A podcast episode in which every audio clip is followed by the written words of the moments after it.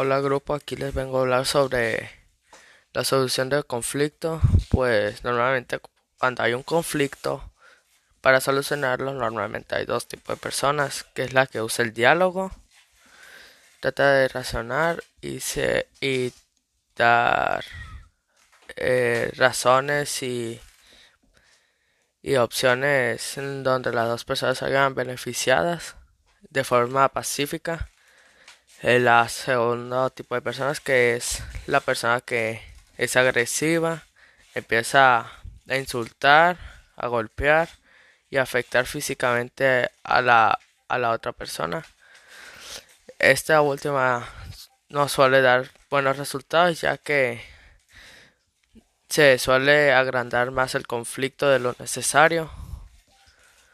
mientras que la de forma pacífica se suele arreglar pues como dicen, pues de forma pacífica en donde las personas no salen eh, dañadas.